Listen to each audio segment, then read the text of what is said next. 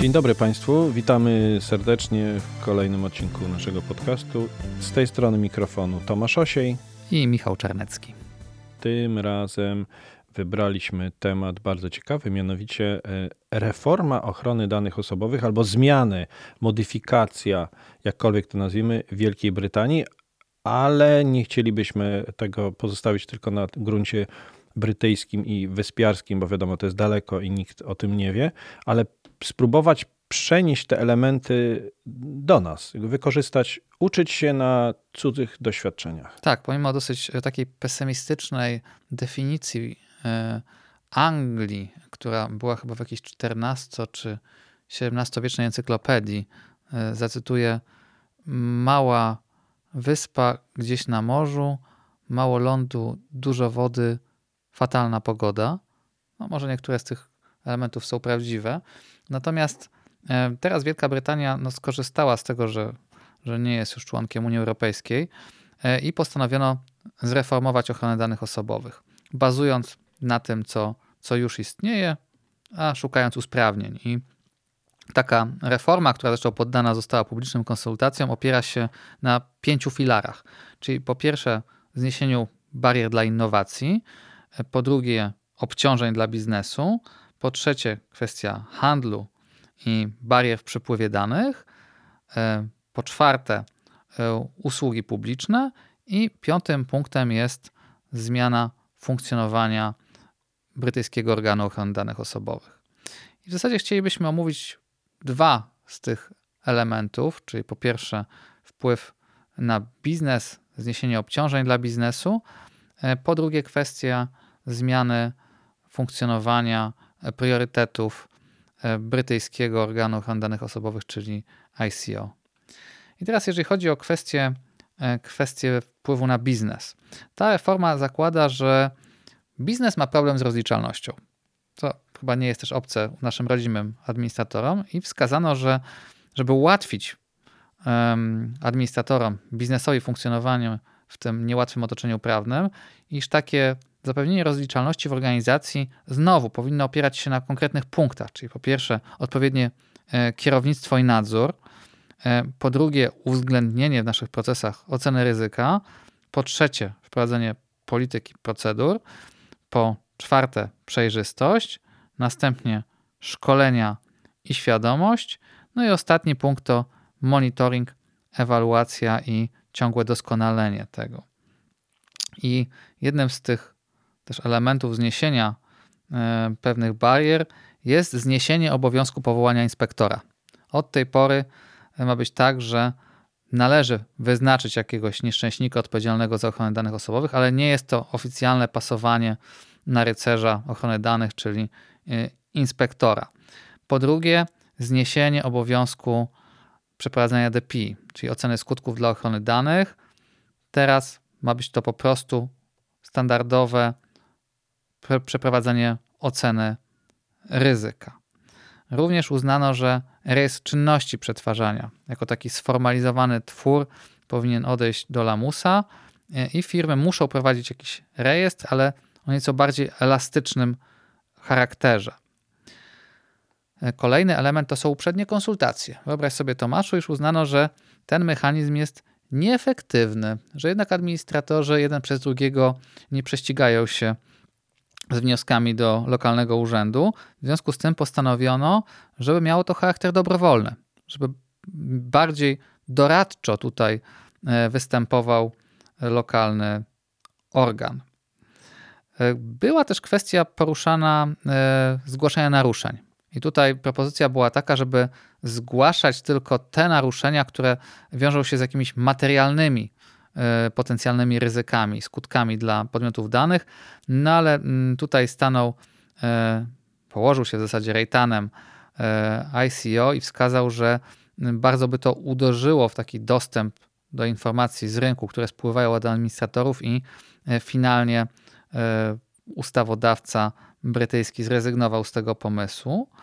Natomiast co, to, co zostanie wprowadzone, to brak banera cookies w przypadku takich mało inwazyjnych celów. To jest pierwszy element. Uznano, że tam, gdzie mamy jakieś pomiary, e, aktywności użytkowników na stronie, służących na przykład poprawie efektywności, no nie będą wymagać zgody.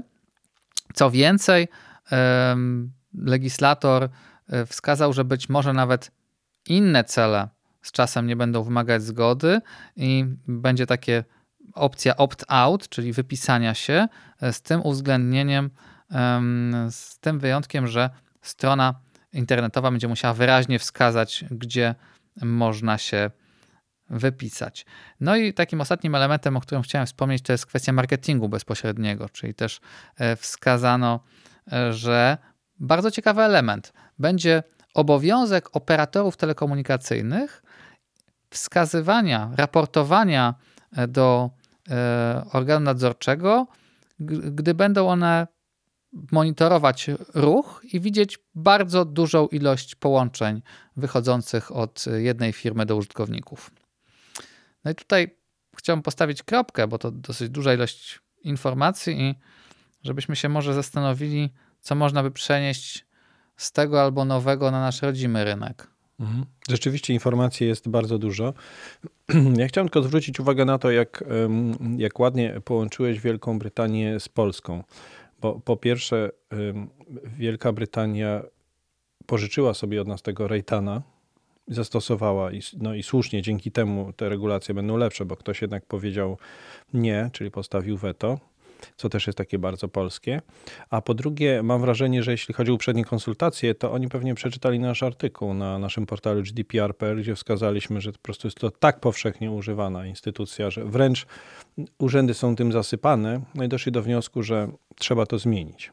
Tak, no niestety entuzjazm do, do takich uprzednich konsultacji, do których nawet namawialiśmy sami chyba niektórych administratorów w podobnej sytuacji, no to no to otrzymaliśmy odpowiedź, że rzeczywiście y, lista ich priorytetów to jest po pierwsze połykanie żyletek, a po drugie zgłaszanie pewnych rzeczy do, do UODO.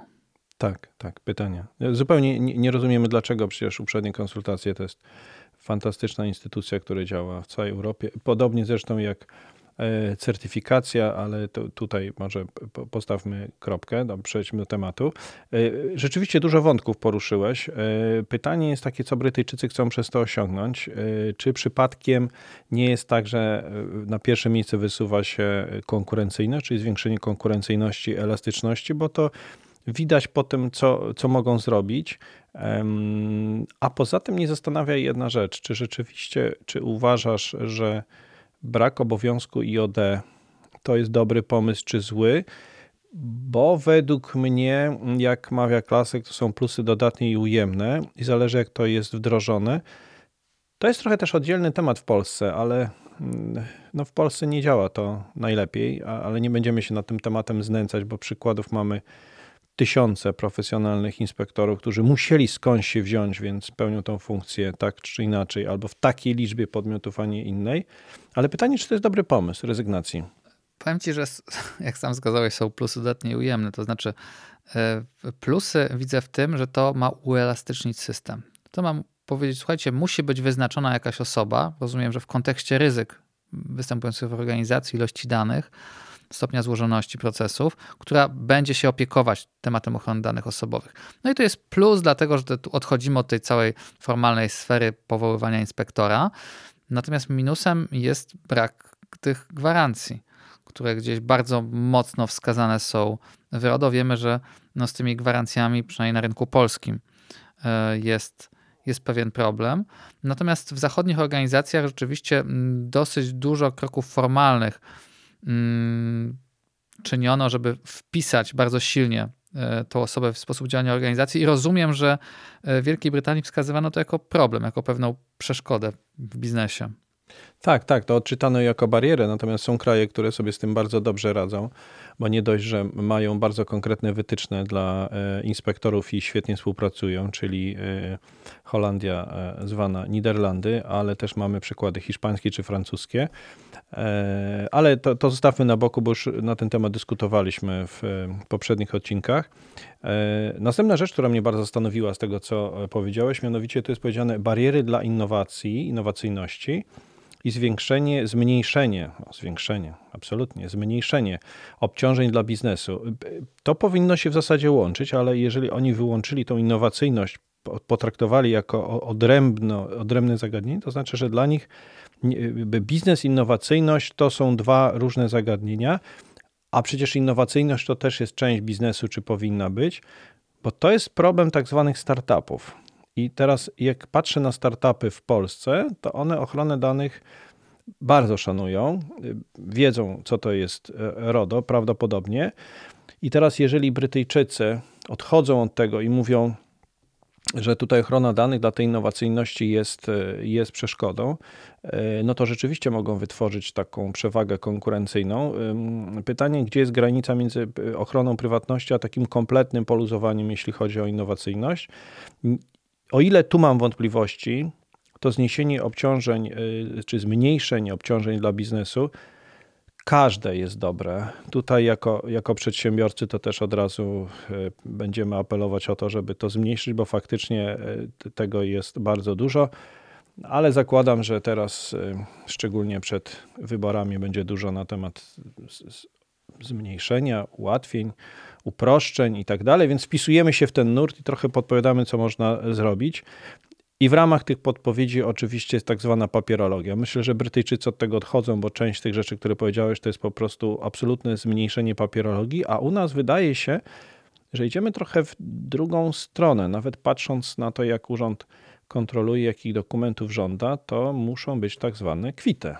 Tak, rzeczywiście e, tutaj można przyrównać ten system do tak zwanego papierowego tygrysa, ale właśnie z powodu materiału wykorzystywanego do budowy tego systemu ochrony danych osobowych, czyli polityki i procedury. I na polskim rynku widać e, nadprodukcję e, jednych i drugich. One nie zawsze są wdrażane. Trochę niepokoi mnie fakt, że po, to, po tej ostatniej ankiecie Urzędu Ochrony Danych Osobowych, które, w której pytano, czy są odpowiednie gwarancje, czy jest odpowiednia pozycja, no to odpowiedzią rynku było wyprodukowanie dokumentów, które gdzieś na zachodzie Europy nie funkcjonują. Uznano, że skoro RODO wyraźnie wskazuje, że pewnych czynności nie może podejmować administrator, no to nie potrzeba nam na to trzech kolejnych e, procedur. Takim innym elementem jest też kwestia obowiązków informacyjnych gdzie wydaje się, że u nas podejście jest bardzo rygorystyczne. Kwestia e, upoważnień i też pewnej niepewności administratorów, e, jakie formy zarówno upoważnień, jak i obowiązków informacyjnych, jak i polityki procedur rzeczywiście będą w przypadku kontroli e, dla urzędu satysfakcjonujące. Ale skoro mówimy o urzędzie, Tutaj też jest bardzo ciekawy element, dlatego że postanowiono zreformować również aktywność ICO, a trzeba przyznać, że ten organ brytyjski był jednym z takich organów bardziej aktywnych. Ale uznano, że nie naruszając oczywiście niezależności organu, nie powinno być tak, że on sobie swobodnie może hasać po rynku i, i, wyznaczać priorytety, nie bacząc na czynniki zewnętrzne. I uznano, że należy wyznaczyć jasne cele i takie ramy, strategie działania, osie priorytetowe, wokół których powinny się te aktywności obracać. Podobnie uznano, że należy zmienić model e, zarządzania, czyli z jednej strony wzmocnić uprawnienia e, tego organu, ale z drugiej strony też powiązać to z odpowiedzialnością. Bardzo ciekawe podejście. Brytyjczycy wskazali, nie może być tak, że działania organu są oderwane od efektów. Przecież działania tak silnej jednostki mają swoje natychmiastowe odzwierciedlenie w aktywności podmiotów gospodarczych, naukowych, publicznych i organ nadzorczy będzie miał takie cele, które będzie musiał raportować i będzie odpowiedzialny za wpływ swoich działań na, na rynek. I ostatnim takim elementem jest zmiana nacisku, to znaczy ma być odejście od tego rozpatrywania takich drobnych y, skarg liczonych w setkach i tysiącach na rzecz rozwiązywania takich realnych problemów rynkowych, czyli tam, gdzie mamy jakieś zagrożenie dla zaufania, jeżeli chodzi o podmioty danych, jeżeli chodzi o zagrożenie dla właściwego wykorzystania danych w poszczególnych segmentach, w takie, y, w takie skupiska, w takie sieci ma, ma uderzać punktowo y, lokalny urząd i służyć ma też do tego po pierwsze sprawna procedura rozpatrywania skarg, a po drugie takie obiektywne kryteria, które pozwolą urzędowi też selektywnie zajmować się skargami, tak żeby taka fala nie przechodziła raz za razem przez urząd. Z tego, co powiedziałeś, e, to, to, to parę, parę rzeczy wychwyciłem bardzo ciekawych, bo ja to odczytuję w ten sposób, że przeprojektowuje się działanie urzędu i przenosi się środek ciężkości, jeśli chodzi o, o wagę spraw, ze spraw takich po, powszechnych, drobnych, jednostkowych, drobnych, tak zwanej drobnicy, bardziej na kwestie związane z interesem ogólnym i rozwiązaniem problemów globalnie, bo jeżeli urząd wydaje jakieś wytyczne i ma te narzędzia w postaci możliwości nakładania kary administracyjnej, to powinien ich używać w interesie publicznym. I trochę to jest tak, że ta zmiana ma zaprojektować wyobraźnię urzędu, albo inaczej zwrócić uwagę na to, że ten efekt motyla występuje e, w rzeczywiście przyrodzie e, i w naszym środowisku prawnym i biznesowym, bo to chodzi o biznes, że jeżeli urząd wyda decyzję, jakieś wytyczne, to to będzie, to będzie miało konkretne skutki. Czyli jeżeli urząd powie, o dzisiaj wszystko musi być na papierze, to tysiące, dziesiątki tysięcy ludzi będzie po prostu te dokumenty produkować. I to jest bardzo, bardzo ciekawa uwaga. I ostatnia rzecz to jest taka, że widzę tutaj też uży, użyłeś takiego słowa odpowiedzialność. Znaczy, tu wielokrotnie e, czytając o tej reformie, tam jest powiedziane, że jest odpowiedzialność, takie zbudowanie, zaprojektowanie odpowiedzialności urzędu za konkretne rzeczy i dlatego się urząd odłączyć. Jest taki pomysł, żeby go odłączyć od tych drobnych spraw, żeby się skoncentrował na dużych, bo w ten sposób siła e, przekazu, nawet nie rażenia, ale siła przekazu urzędu jest inna. No i tak, takie jest też założenie, więc generalnie ta reforma nam się e, podoba. Niestety nam się podoba, chociaż nie jest e, u nas i może mieć wpływ na na rzeczy związane z, z rynkiem, z konkurencyjnością, e, no ale po prostu skorzystajmy z tego i ściągnijmy do nas te dobre przykłady. Tak, no, wydaje się, że nasz e, też rodzimy organ no, dobry mógłby stać się jeszcze lepszy, chociażby właśnie przez zwiększenie pewnej transparentności działań. No, jeżeli czytamy roczny plan kontroli urzędu. Ja nie wiem do końca, z czego wynikają poszczególne działania. Nie do końca wiemy, jakie są takie właśnie osie priorytetowe, jeżeli chodzi o, o urząd. E, taki też pewien nacisk, myślę, przydałby się, jeżeli chodzi o, o rozwijanie niepewności właśnie podmiotów na, na rynku, zwłaszcza w kontekście e, rozliczalności. Mm, także będziemy się przyglądać tej, tej reformie, e, w szczególności jej skutkom. Czyli mówiąc krótko, mówisz, że nie jesteś wróżką i nie możesz być. Nieoficjalnie. Tak. Więc tutaj na te wytyczne oczekujemy. Ja, mm, ja powiem tak, że y, y, słuchając tego wszystkiego, y, najważniejsza rzecz z mojego punktu widzenia to jest taka, że jak się przeczyta ten dokument, to jest jeden wniosek główny, taki, że działanie urzędu ma swój skutek, więc przeprojektowanie tego działania urzędu to jest przeprojektowanie, które będzie miało wpływ na miliony mieszkańców Wielkiej Brytanii i ich obowiązków. I przez ten pryzmat trzeba na to spojrzeć. Tak, ja też zachęcam do przeczytania rzeczywiście tego dokumentu, który jest wynikiem konsultacji społecznych, dlatego że no nie jest tajemnicą, że gdzieś, e, jeżeli chodzi o kulturę prawną, to Wielka Brytania plasuje się absolutnie w czołówce i, i ze łzami w oczach można czytać ten dokument, gdzie, organ, gdzie legislator, gdzie, gdzie stwierdza się, że wobec uwag podmiotów danych zrezygnowano z pewnego pomysłu, gdzie wobec uwag takich i takich organów dodano lub usunięte pewne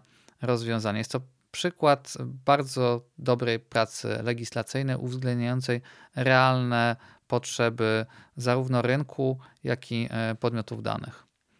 I tego się trzymajmy. Czyli w międzyczasie pozostaje nam życzyć Państwu tradycyjnie spokojnego przetwarzania. Dziękujemy i do usłyszenia w kolejnym odcinku.